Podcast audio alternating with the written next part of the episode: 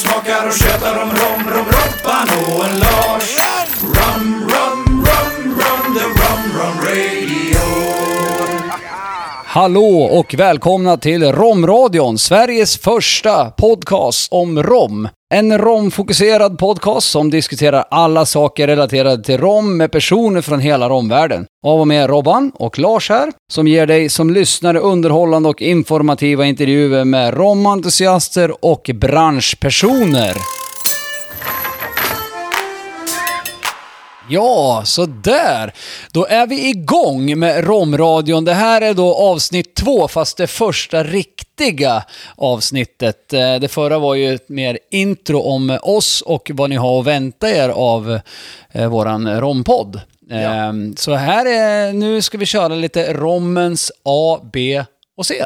Precis, en eh, snabb, kort eh, men ändå bra introduktion till vad rom egentligen är för någonting, var det kommer ifrån, vad det är gjort av och eh, lite kort vad alltså, regelverket eh, säger. Som inte ska- finns. Precis, det, det, Det obefintliga regelverket ska vi prata om. precis. Vi kan säga så här, vi ska försöka redogöra hur rörigt det är så att ni egentligen inte fattar ett skit. Eh, men ändå få mer någonting i bakfickan. Ja, nej, skojar lite grann. Eh, Men vi ska försöka, förklara för er hur rörigt det egentligen är med tillverkningen av rom och eh, hur man får göra och hur man inte får göra. Och, Ja, och varför det egentligen är som det är. ja, precis. Så det, det, blir- det blir en del spännande lyssning för den som är intresserad.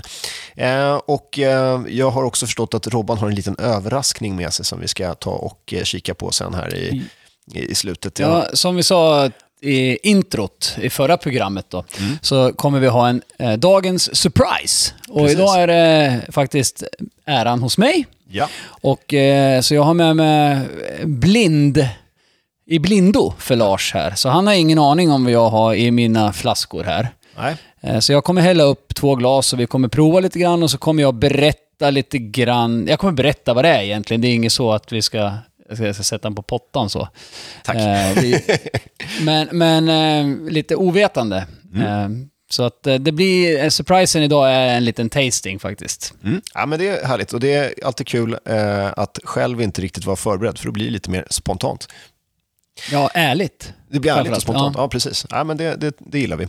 Men vi backar bandet och eh, tar oss tillbaka lite kort bara till vad är rom för någonting? Ska vi börja med egentligen ordet rom? Var, var kommer ordet rom ifrån egentligen? Kommer från Indien från början. Ehm, kör du. Ja, eh, okej. Ja, eh, jag, tänk, jag tänkte faktiskt eh, just på själva, själva ordet rom, om vi ska börja definiera var, varför säger vi rom till den här spritdrycken. Och, eh, det finns en mängd olika historier och eh, en del är väl mer sanna än andra och andra är mindre sanna. Någon Ja, spekulationerna är många. Spekulationer är väldigt många, men, men det man framförallt tror det är väl i alla fall att någonstans på alltså, mitten av 1600-talet ungefär, då hade man kommit igång att göra rom i Västindien, på Barbados framförallt. Eh, och det var väl den första Det liksom. är väl egentligen det första skrivna ordet om den här drycken då, som, som man kan hitta om man backar bandet. Ja, jag skulle tro det. I alla fall som, är, som inte är på portugisiska. För att det kan vara så att det finns någonting skrivet i Brasilien något lite tidigare faktiskt, redan på 1500-talet, där man också började göra rom eller då cachaça. Men då- Cachaça är men det då ju är- då, då är det de- inte rom Lars. Nej, nu precis. är det Nej, det- fel avsnitt här. Ja, Lars. exakt. Eh, och det, återigen kommer vi tillbaka till den svåra gränsdragningen för vad rom egentligen är för någonting. Men, men i alla fall på Barbados på 1600-talet hade man börjat göra rom och eh, den kallades för Kill Devil och den kallades för en massa olika grejer. Rambouillon. Precis, och det är väl förmodligen därifrån det här Rumbellion, eller Rumbellion, som, eh, som ordet rom idag kommer ifrån. Och det här betyder då alltså att det var någonting som, det var lite stökigt när man drack den här, eh, den här spritdrycken. Stort tumult. Stort tumult, ja det kan jag tänka mig att det var i en bar på Barbados på 1640-talet någon gång. Ja, det tror jag att det kunde vara riktigt rörigt. rörigt. Och, eh, och kort och gott så förkortades det här ner bara till, eh, kortades ner till, till rom. Eller då rum, R-U-M på engelska och på svenska då R-O-M och på franska R-H-U-M. Men sen hur det på spanska då blev ron, R-O-N, ja det är väl förmodligen från samma ursprung. Och i. Sverige blev det Rom, Ja, som staden, som inte den här podden handlar om. Nej, precis. Så eh, samma stavning men eh, annat uttal och en helt annan sak.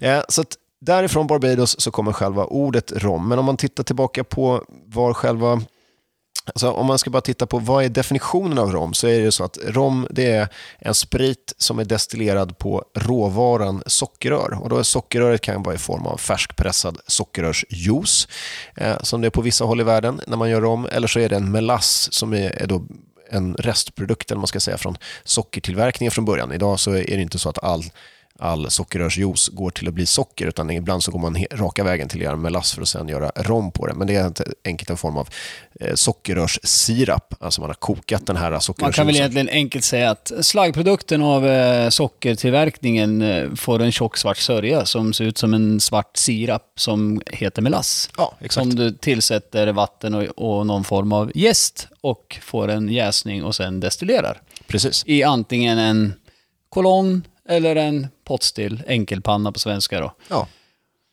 precis. Och eh, ju- just det här um, melassen är ju, alltså jag vet inte vad man ska likna det vid, vanlig svensk sirap. Skulle Ja, man kunna lite, lite tjockare och Lite lite, tjockare. lite mer smakrik. Alltså Ja, mer, mer eh, kompakt. Mer kompakt och Ja. mer, mer, nästan en viss, ibland beroende lite på, men nästan bitterhet. Det finns nästan lite syra i den. Ja. Det Eh, finns lite, lite grann av allt. Det är en jävla smaksoppa.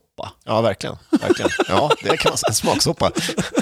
Eh, smaksörja. Nej, men, men, eh, och, och, ehm, men det är det som är själva definitionen av rom, just att det ska vara sockerrör. Och det betyder alltså att det går inte att använda till exempel sockerbeta eller socker från eh, andra växter eller på annat sätt. Utan det, det är eh, sockerrör som är grundråvaran. Yes. Och någonstans så började man göra eh, socker i Indien för eh, drygt, ja, drygt 2000 år sedan, lite mer. Eh, och det är faktiskt där ordet socker kommer ifrån också. Eh, och, eh, men, men hur det sen blev rom, ja, det är lite oklart. Man tror ju att någon av de första destillaten som är gjorda faktiskt är gjorda på, på, på socker eh, i, bortifrån Indien, Kina eh, och som sen letade sig den här kunskapen via eh, Mellanöstern bort till Europa. Där den, den första spriten man gjorde, här var ju på vin. Alltså, vin, kunde man, vin har man gjort i ett antal tusen år. Men det är faktiskt intressant. Alkohol som uppfinning, om man ska säga, den är äldre än hjulet. Så det, vi, den är, det, det är en ganska gammal grej det här. Vi, vi människor har dragits med den här alkoholen rätt länge. Ja. Al- alkohol är, är ju en stor bit av, av världens historia generellt. Alltså vi har använt alkohol i medicinskt syfte genom urminnes tider. ja, verkligen. Verkligen. Och eh, det, det är ju en, eh, eh, vad ska man säga, det här med alkohol som dryck har ju blivit så eh, djupt eh, förknippat med olika matkulturer och liksom olika, olika länder. Jag menar, I sö- södra Europa så är det väldigt mycket vin eh, och det är en intimt Men- förknippad del av det. Men alla, län, liksom- alla länder eller kanske världsdelar har väl sin specifika eh, sprit och även spritkultur. och det verkligen. kombineras väl lite grann med maten och mm.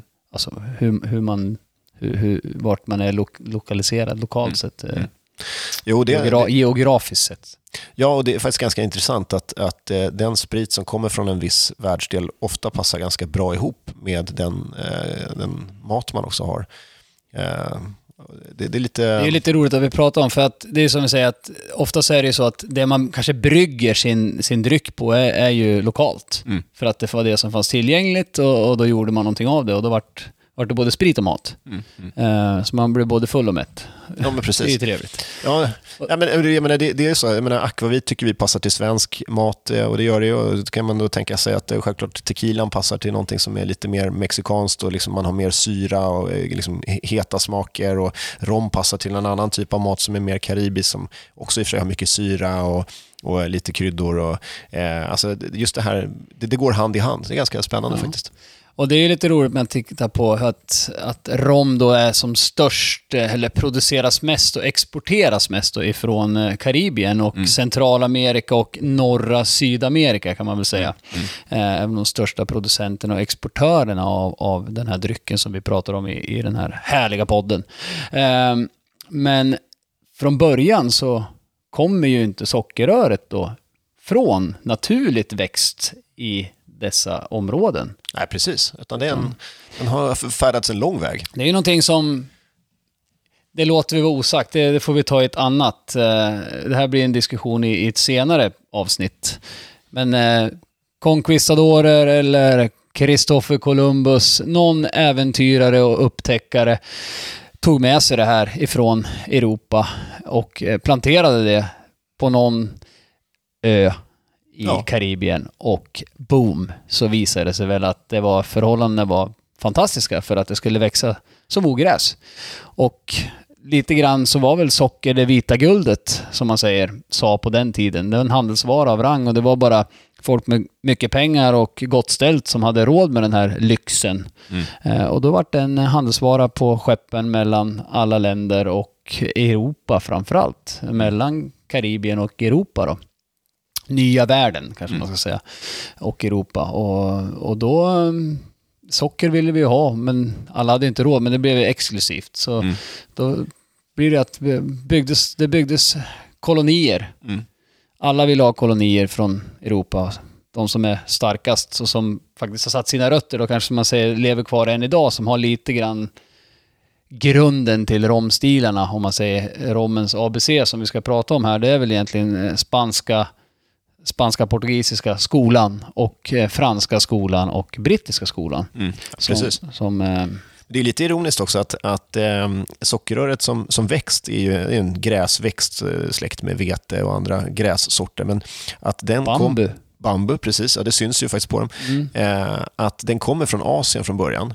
Eh, och man vet inte exakt. Det finns två olika, två olika spår, så att säga. Ett som är mer mot Taiwan-hållet och ett som är mer åt eh, ja, men, eh, Thailand och Nya Sydostasien. Guinea är också... Nya Guinea, precis.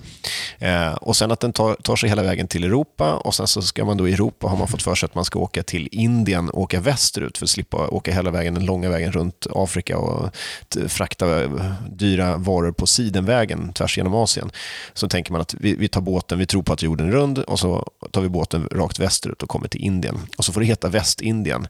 Eh, och, då är man till, och då trodde man att man kom till Asien, men det gjorde man inte, man kom till Amerika. Och då, så var- tar man med sig sockerrören till Det var det. därför man döpte urinvånarna på de öarna till indianer. Exakt. För man exakt. trodde man var i Indien. Ja, det är märkligt. Jag hade inte så ens fick- kommit halvvägs. Nej, precis. Nej, verkligen. Nej, man, man gjorde en liten felräkning där. Ja. Eh, men, Men det blev jag- bra ändå. Det blev det bra. var tur det. Ja, ja, visst. Exakt. Exakt. Nå, nå, allt, det är alltid något gott med det. Ehm, så att, eh, ja, det är, en, det är en intressant och spännande historia. Det finns ju väldigt mycket just historik kring rommen och väldigt mycket eh, roliga anekdoter och eh, annat. Så att eh, rom är ju på många sätt en, en spännande sprit just ur ett historiskt perspektiv också. Den är väldigt förknippad med flotta och, och sjö, sjörövare egentligen. Ja, precis, och, och, och liksom kapare, eller vad man nu kallar, Ja. kallar dem det på olika sätt. Ehm, det dracks ju en hel del. Det har det ju gjort i, i alla tider, även i, i det militära och, Mm. och så. Men just på båtarna så känns det som att den historiken är, är stor. Man hade liksom lite betalt i, i sprit. Ja, men precis. Det, var, en- det, var, en, eh, det var ju nästan en form av valuta eh, i delar av Karibien. Eh, Så att, eh, ja, det är klart, det var enklare att komma med en flaska med rom än att hålla på och byta, eh, byta andra saker. Så att, så hade man ju lite, det var ju liksom, det var inga fackavtal när man klev på båt, signa upp på en båt och skulle ut och, och kapa så att säga. Utan det var ju liksom, här är avtalet, no pray, no pay. Eh, det var ungefär på den nivån. Så om vi inte kom över någonting, ja då blev det ingenting heller. Ungefär nej, på nej det, det, var- det var nog inte... eh, Det var nog flera, flera svenska arbetsmiljöverk och lite andra som inte alls hade riktigt gillat de, de förutsättningarna som fanns ombord. Nej, tror inte heller det. Nej, men det var andra tider.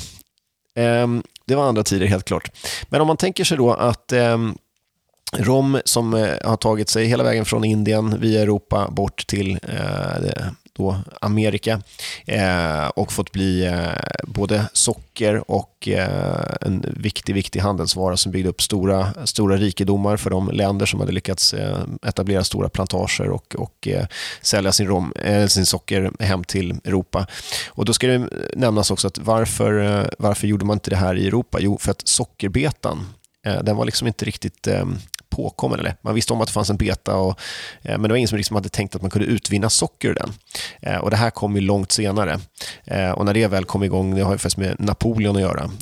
Och, då, Gå, inte, gå inte för djupt nu. nej, Nu börjar det bli historielektion. Det är inte historiepodden det här Lars. alltså. nej, nej, nej, det, det är lika bra att jag får en Fel podcast. Ja, fel podcast, precis. Men men det, det ska ju bara vara sagt just det här att, att Alltså varför, så att säga, det finns en historisk förklaring till varför vi inte kan göra rom på sockerbeta. Och det har just att göra med det här att, att sockerbetan visste vi inte om när vi eh, började göra socker på sockerrör istället. Nej, precis.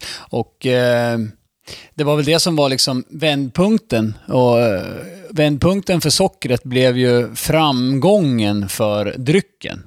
Så skulle precis. man väl kunna säga egentligen. För att när alla kolonier, alla länder som, som hade kolonier på olika öar i, Karibien, eller olika länder då som de eh, besatt och hade byggt upp då stora sockerfält eh, och eh, stora sockerfabriker. Fraktade det här vita guldet över Atlanten till Europa för att det var bra värde i den handelsvaran och mycket, värt mycket pengar liksom. Värt sin vikt i guld så att säga. Eh, när vi kom på då i Europa att vi kunde utvinna socker ifrån sockerbetan, eh, då fanns det ju ingen anledning att, byta till sig dyrt socker från, från Karibien. Eh, så att, eh, vad händer då? När efterfrågan försvinner, ja, då kraschar värdet. Och då stod man väl lite grann och, och, och kliade sig i huvudet i alla kolonier och undrade vad fan ska vi göra med alla sockerfält och alla stora plantage och, och, och alla fabriker. Och det är också en, en mörk historia som, som har med rommen att göra och det är ju slaveriet och någonting som kallas för triangelhandeln då som, som man åkte till Europa och, och ner till Afrika och bytte till sig arbetskraft. Så det är faktiskt den största människoförflyttningen genom tiderna. Jag tror att det, under en period på 300-400 år så flyttades det mellan 14 och 15 miljoner människor. Eh, från eh, Afrikas kust till Brasilien upp till Nordamerika, om man säger så. Och det, det är ju intressant, man ser, alltså det, det är ju eh, som du säger, det är en jättestor förflyttning av människor och eh, det är ju något som har haft en extremt stor påverkan på på kulturen i hela eh, Amerika, både Nord och Sydamerika. Ju.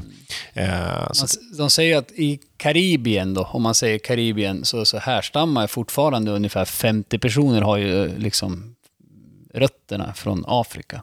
Alltså att de har någon form av knytning. Någon Grand, grand, great, great, great, grand, grand, grand, grand, grand, grandmother. Eh, Precis. något. Ja, Ja. men, och, och det, det här blir också det, eh, när på något sätt när sockerbetan kommer till så kollapsar som du säger eh, hela sockerindustrin i Karibien. Men det, och det blir också slutet egentligen för slaveriet. Ju. För att då blir det inte lönsamt, alltså att, att hålla slavar är inte heller eh, eh, det, det är billigt men det är inte gratis. Eh, och eh, då försvann tillsammans med att eh, såklart det blev eh, en helt annan... 1888. Ja, det var väl första...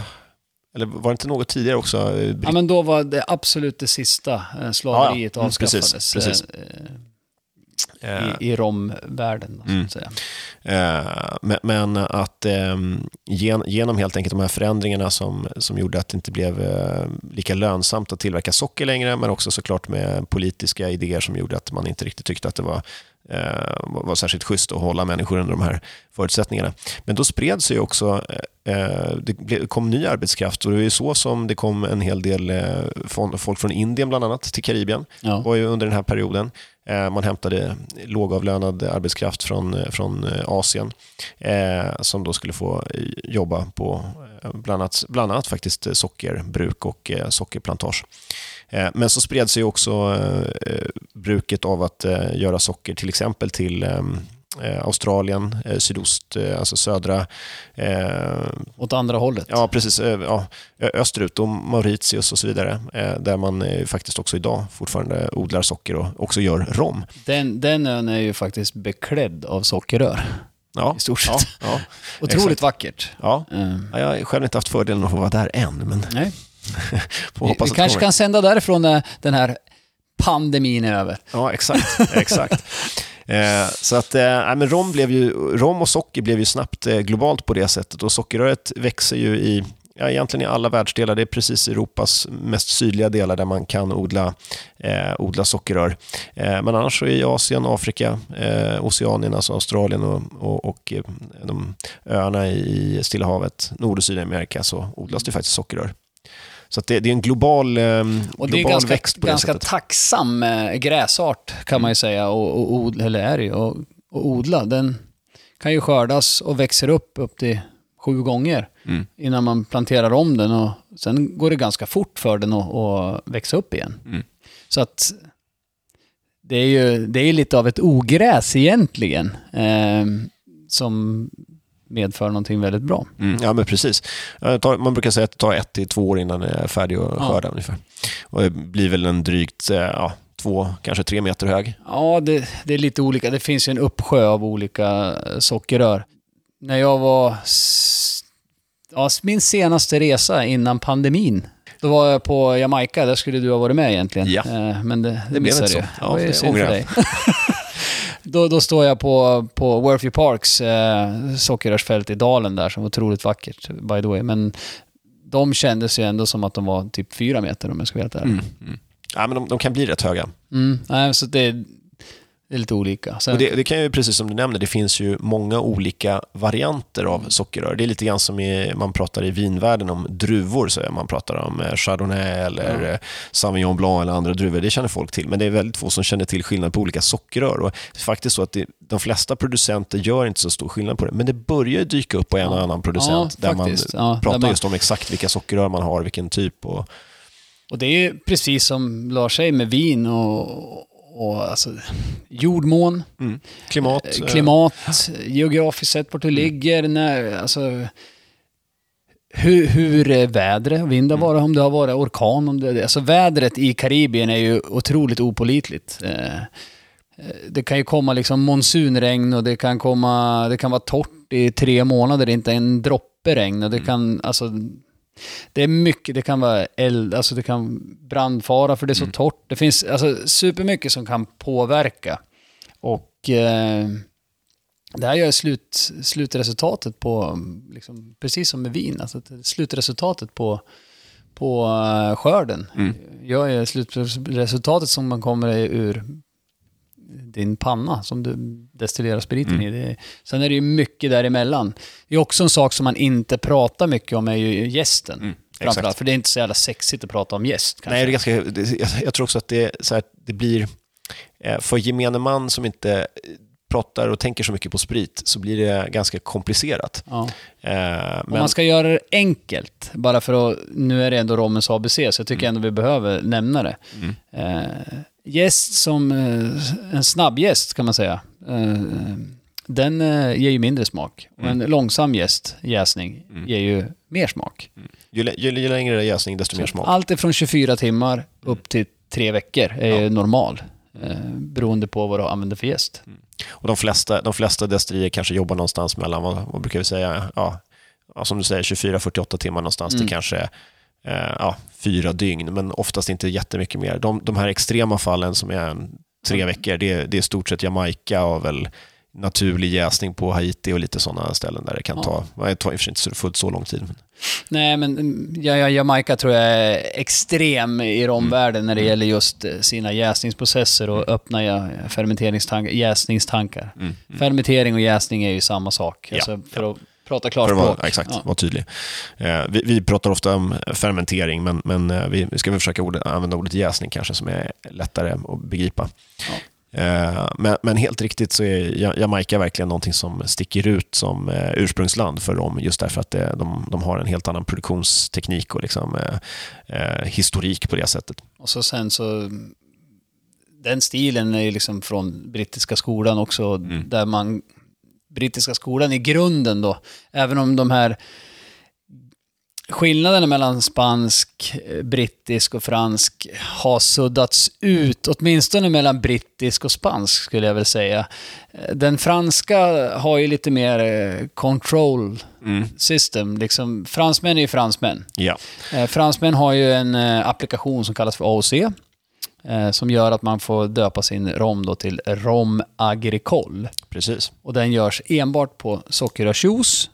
Den måste lagras visst länge, det måste komma från ett viss, en viss region, bla bla. Det är ganska mycket det innefattar. Ja, men det är precis som du sa, som fransmännen jag har gjort med champagne och med eh, konjak och massa andra saker. Man är duktiga på att, att skydda och, och liksom, Och varumärkesskydda. ja, varumärkesskydda det som är specifikt och säreget med just sin... eh, Är det, inte, odling. är, det inte från, är inte det här bubblet från champagne, då heter det inte champagne, då Nej. heter det cava eller prosecco. Ja, eller mousserande vin, Ja, kan man väl säga. Mousserande Ja, vin egentligen. ja. Och är det inte från konjak så heter det inte konjak, då heter det brandy. mm. Och det har man ju varit jättetydliga med mot till exempel... Eller eau de vie. Ja, exakt. Eh, så att, eh, där, där är ju någonting specifikt på det sättet med den franska stilen. Sen kan man säga att den franska stilen förekommer ju på annat håll också. Och då, till exempel då Brasilien gör ju egentligen sin cachaça väldigt likt så som man gör eh, rom på fransk metod, det vill säga på färskpressad sockerrörsjuice. Men då är det cachaça, då, det är ursprungsskyddat för just Brasilien. Det ska vara brasilianska sockerrör och den ska vara eh, tillverkad i Brasilien.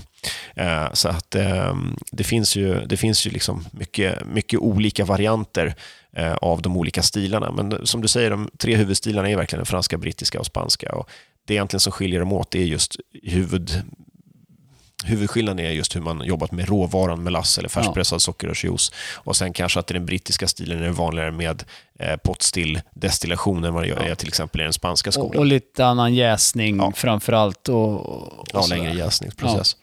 Och sen den spanska är ju lite mer... Alltså, man är lite mer...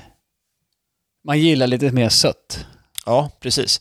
Och det här, är ju, det här är det som blir intressant för att nu då till exempel, i, om vi tittar på hur det ser ut i, i Sverige och EU så har ju vi då EUs spritregelverk. Och då, Ja, det kommer ju en ny lag nu. precis, Den så går igenom 25 maj. 25 maj så, så blir det så att eh, då får man tillsätta som mest 20 gram socker per liter eh, i rommen och då kan sockret vara i lite olika former men man tänker sig... att- Sötningsmedel kan man väl Sötningsmedel, säga ja. om man, om man ska Ja, ja. Eh, och ehm, det här har ju tidigare så har det stått bara att man inte får smaksätta dem och det får man fortfarande inte göra. Eh, så till exempel de här... Ja, får får man ju, men då, då, het, då, Då heter det inte rom Då längre. heter det inte rom längre. Då blir det ju smaksatt sprit. Ja, precis. Så att eh, om du har ett känt romvarumärke till exempel använder en frukt eh, så är det ju inte då smaksatt rom så att säga, utan då är det, då är det faktiskt smaksatt sprit bara. Och sen en, en eh, liten eh, ja, regel, en lag till, det är väl att det måste innehålla 37,5% i alkoholstyrka Ja. som lägst för lägst. att få kallas rom också. Ja. Så om det står 35%, ja då har du klivit under. Och det är oftast eh, de här smaksatta Mm. Mm. spritsorterna Precis. Med- precis. eh, melass eller sockerrörsjuicebas. Ja, som, precis. eh, Det är rombas hamnade. kan man säga. Så då. kan man säga, ja rombas. Eh, för att göra och, enkelt. Ja, eh, och, och, eh, men, men det kommer ju så att, säga att påverka. Men det som Det kanske kan bli ett eget avsnitt. det Smaksatt sprit. smaksatt sprit skulle absolut kunna vara ett... Då kan vi eh, testa och smaksätta lite olika grejer själv. Ja. Ja, det vore en kul grej. Eller hur? Ja. Ja, det får ni tycka till om. Ja, precis. Kom med Kom, med förslag Ja. på smaker. Eh, men det kan man ju nämna just bara om man touchar det här med, med regler, att det är det vi har i eh, EU och Europa, eller och Sverige att förhålla oss till. Men sen så har vi ju också alla de här länderna som producerar rom och de har sina individuella olika regelverk. Och där kan en sak vara okej i ett land och en annan sak vara helt inte okej i ett annat land. Och i Ja, det vissa är en länder jävla rappakalja. det är det verkligen och det gör ju att det blir svårt och eftersom att EU själva inte är direkt något romproducerande område så är det så att vi har varit ganska öppna i vårt regelverk och sagt att vi har de här Ja, men vi har, grundkriterierna. vi har inte, egentligen inte vetat heller. Och, och, Nej, och vi har liksom varit försiktiga. Vi vill inte heller stöta oss med någon och säga att ja, men det här ni producerar och kallar för rom vill inte vi kalla för rom. nej. Utan vi har sagt att okej, de här grundkriterierna det ska vara Nej, men vi har inte sockerrörsbaserat. vetat, vi har inte haft kunskapen. Nej, Eh, helt enkelt. Så att, och sen har det ju blivit en, en br- brutal ökning de sista åren liksom, på, på intresset för dem. Därför vi sitter här idag Mm. också, som, vi, som vi pratade om tidigare. Och, och det gör ju att alla vill göra rom och, och producera någonting Mm. och skicka till, till Europa och, och tjäna pengar, självklart. Mm. Vara med och konkurrera. Men, men, men eh, så därför så har det väl blivit nu att nu har vi fått mer kunskap, nu vet vi vad det är och världen är mindre på alla sätt med internet och med resor innan pandemin. Eh, vill jag bara poängtera. Ja, jag har gjort fem streck här nu. jag ska ge mig. Eh, men men så, alltså, jag tror att därför har det här kommit fram. Och diskussionen just om, det kan vi vara ganska öppna med, det finns en, en väldigt het diskussion om, om antitillsatser eh, i- när det gäller sötningsmedel i rom. Det finns många förespråkare som, som eh, verkligen är anti det här. Samtidigt så kan jag tycka att det här är ändå någonting som har gjorts genom århundraden. Det, det finns en tradition. Och det En finns, tradition. Absolut, visst gör det. Och det, den finns ju från många olika håll. Alltså även de länder som till exempel idag, där det, som på Jamaica, där det inte är tillåtet att söta sin rom. Där har man ju en tradition av att till exempel eh, ibland då lägga frukt som ananas eller sånt som- i faten när man då skickar hem dem till England för att det skulle ge en lite sötare, behagligare smak. Men det är klart, det var ju också en helt annan tid när rommen inte alls hade, var så vad ska man säga, Det var, då, förfinad. det var då den eh, precis hade fått namnet rom, eller kallades för Kill Devil, vilket egentligen beskriver vad det var man drack. Det var med livet som talande. insats, eller med synen som insats kanske man ska säga. Man kunde vakna upp dagen efter och inte se någonting. Ungefär så. Mm. Eh, så att, eh, men det, det, det, är också intressant det här att det finns så mycket olika traditioner. Det finns den här, eh, i vissa länder en ganska tydlig tradition av att, att få söta, men det har också lite grann att göra med vilket, vad ska man säga, eh, var, var kom ursprunget ifrån? Alltså om man tänker sig just eh, brandy till exempel, som gjorts i Spanien eller i Frankrike, eh, har en tradition av att sötas upp. Eh, Medan man då till exempel i, ja, nu har inte engelsmännen gjort whisky utan det var ju skottarna. Det var liksom inte, inte de som var först och främst nere i, i Karibien till att börja med i alla fall. Eh, men man, där var man kanske inte riktigt lika eh, mycket för det sötade. Så att det, det finns de här olika delningarna. Men Nej, och det, det liksom hänger väl ihop just som du säger också att man använder potstill i brittisk stil på brittiska kolonierna och man dricker brittisk rom idag som är ja, som fortfarande håller brittisk klass. Ska, Kan man säga så? Ja, ja, vi säger så. Eh, då känner man ju nästan att fan, det här påminner ju om whisky absolut, det finns ju helt klart många gemensamma nämnare. Ja, och, och lite samma tycker jag med, med den franska agrikolrommen. Alltså, jag har åkt dit själv på blindtester, blindprovningar med, ja men det här är ingen rom, det här är en calvados eller det här är en armagnac eller det här är en konjak. Men nej, det här är en rom agricole från bla bla bla. Alltså, Ja, men det, det sitter ju liksom i DNA från, i, i destilleriet. Det är liksom den kun, kunskap man har fått under många hundra, hundra år, det är den kultur man har haft. Och, Och samma då med spanska skolan, om man säger så att det är lite rundare, lite mjukare. Ja, man har stoppat in någon form av eh, sötningsmedel. Eh, Medel låter fel, men någonting som gör Sötma att det blir runt. Ja, någon form av sötma. Eh, så att jag tycker ändå att det är liksom det som definierar stilarna och, och det är ju en tradition, traditionell, traditionella stilar av rom. Så jag Mm. är tycker inte att det är något fel. Sen har ju de suddats ut för att gränserna har suddats ut och för att det inte finns några regler Mm. så får man göra lite hur man vill. Så därför har det blivit lite... eh, Ja, alltså allting har ju liksom flyttit ihop Ja, men vis, spelfältet har ju öppnat sig på ett helt annat sätt. Och sen är det klart att det ska man också vara medveten om att eh, som romkonsument så att säga, eh, kolla på vad det står för ursprungsland på flaskan. Därför att är det så att den är till exempel buteljerad i Europa, ja då kan man eh, ha gjort på lite annat sätt än om den är buteljerad i Venezuela eller i, på Jamaica. Det, det är lite, för att till exempel då som Jamaica, där du inte får tillsätta socker i, i rom. Mm. Eh, så då tänker man ju att ja, om jag köper en rom från Jamaica, då är jag safe. Mm. Men så är det ju inte riktigt. Nej. Men om den är buteljerad på Jamaica, Precis. då är det safe. Men om den är buteljerad i Europa, då kan det vara tillsatt socker innan buteljering Exakt, exakt. och, och säljs. Så att, ja. Ja, det finns mycket, mycket små kryphål och det finns mycket, mycket intressant och det är väl lite det som gör rom så här kul också. ja. Men då är frågan om vi, om vi känner, har vi täckt in ungefär det som vi tycker är grund, grundkunskapen man behöver ha med sig när man tänker på rom? Ja, jag tycker vi, vi kanske inte ska mala på för mycket så att det blir liksom too much information på en gång. Och jag tror också väldigt mycket av det vi har pratat om idag kommer ju bli separata avsnitt också. Ja, det var det jag tänkte säga. Vi kommer ju att köra de olika stilarna. Vi kommer ju prova rom från alla stilar, alla möjliga, alla ostilar och new age rom och blended roms och eh, oberoende buteljerare och, och fan och hans moster. Alltså, kommer vi, vi ska prova allt. Jag Ja. är så jävla törstig så att Ja. jag kanske ska gå över till dagens surprise. Ja, men det tycker jag låter, låter jättekul. Du har ju med dig en, en, en spännande flaska här. Så att, Ja. eh, då får vi se vad det är för något spännande. Ska du ta och eh, öppna upp den? Ja. Åh, fan det där är musik. Ja, det är det Det är verkligen. bättre än en jingle. Ja, Ehm, ska vi se. Då tar jag har ett glas här. Då är det så att eh, det vi ska testa idag är ett litet destilleri som jag har varit på. Eh, som ligger i Brooklyn, New York. Oj, det här var överraskande. Eh, ligger faktiskt i Bushwick, heter det. Okej, ja. Eh, och det är en... En härlig doft, det är verkligen.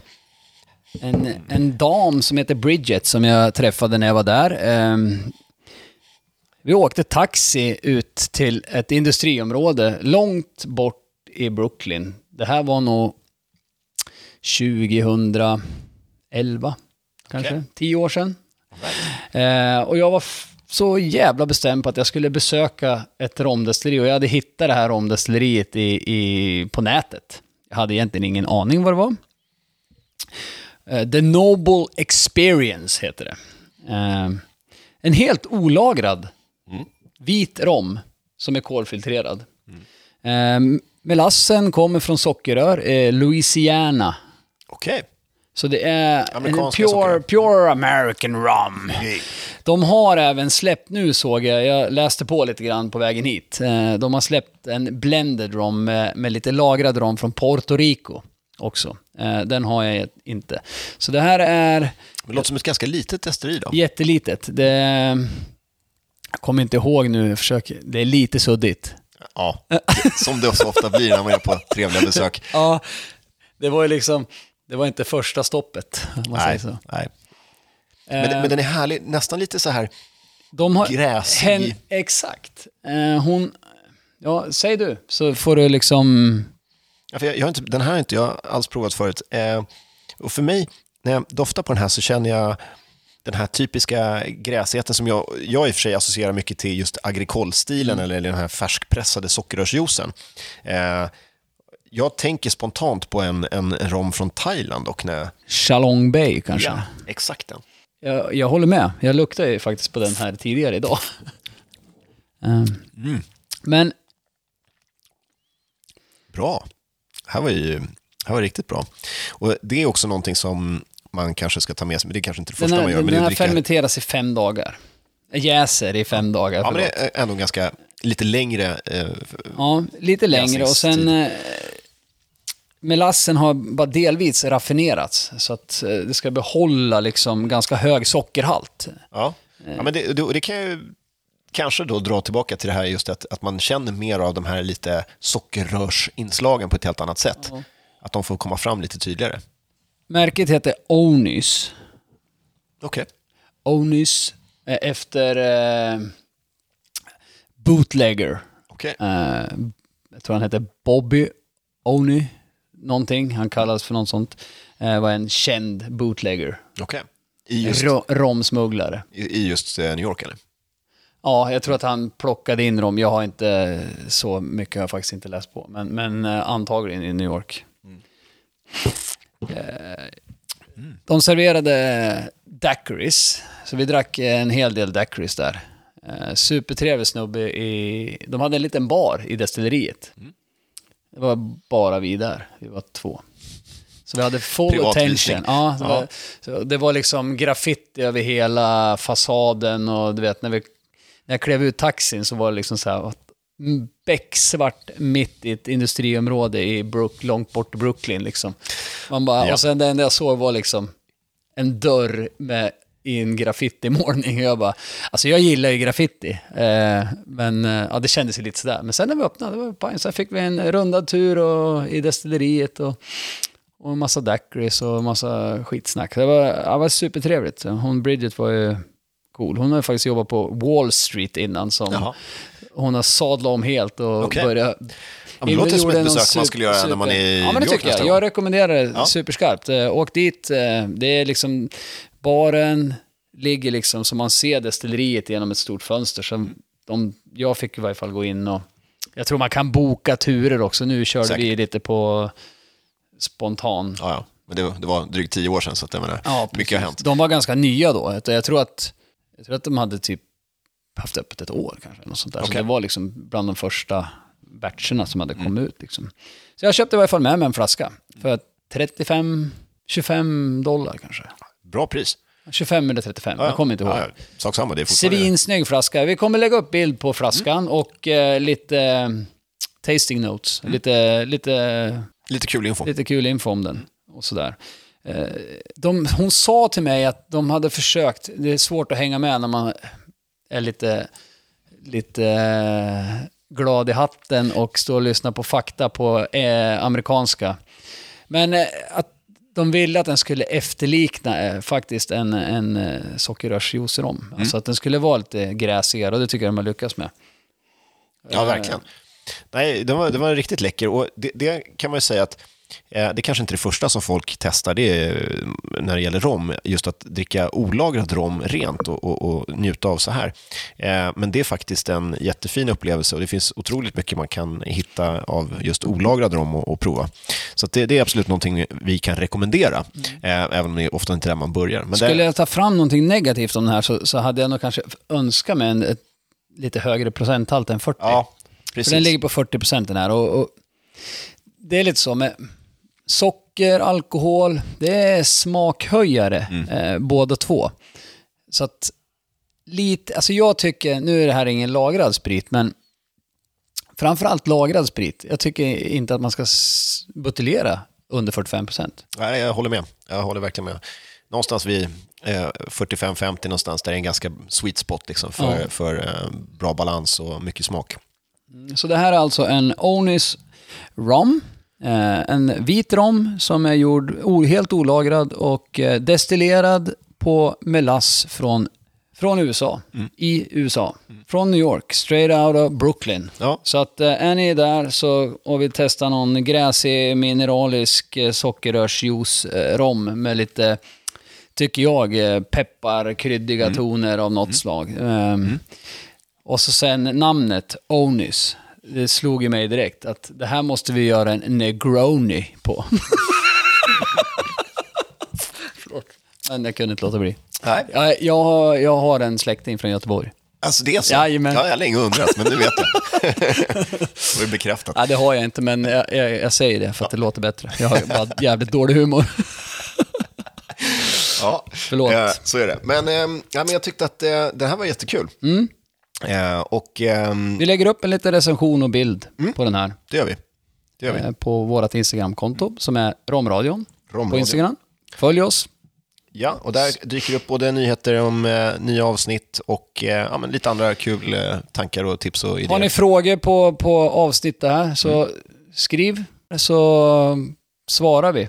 Ja, och har ni lika också någon fråga eller någon fundering eller någonting ni skulle vilja att vi skulle ta upp och fundera kring så um, eh, skriv också gärna ett meddelande till oss så ska vi ta och eh, plocka ut eh, ja, lite, lite sådana saker eh, till kommande avsnitt. Men eh, ja, jag säger eh, tack till publiken och eh, skål till dig Lars Ja. för ett eh, trevligt andra första avsnitt. Ett trevligt andra första avsnitt. ja. men det, det, det skålar vi för. Skål Vi- och eh, Vi ses och hörs.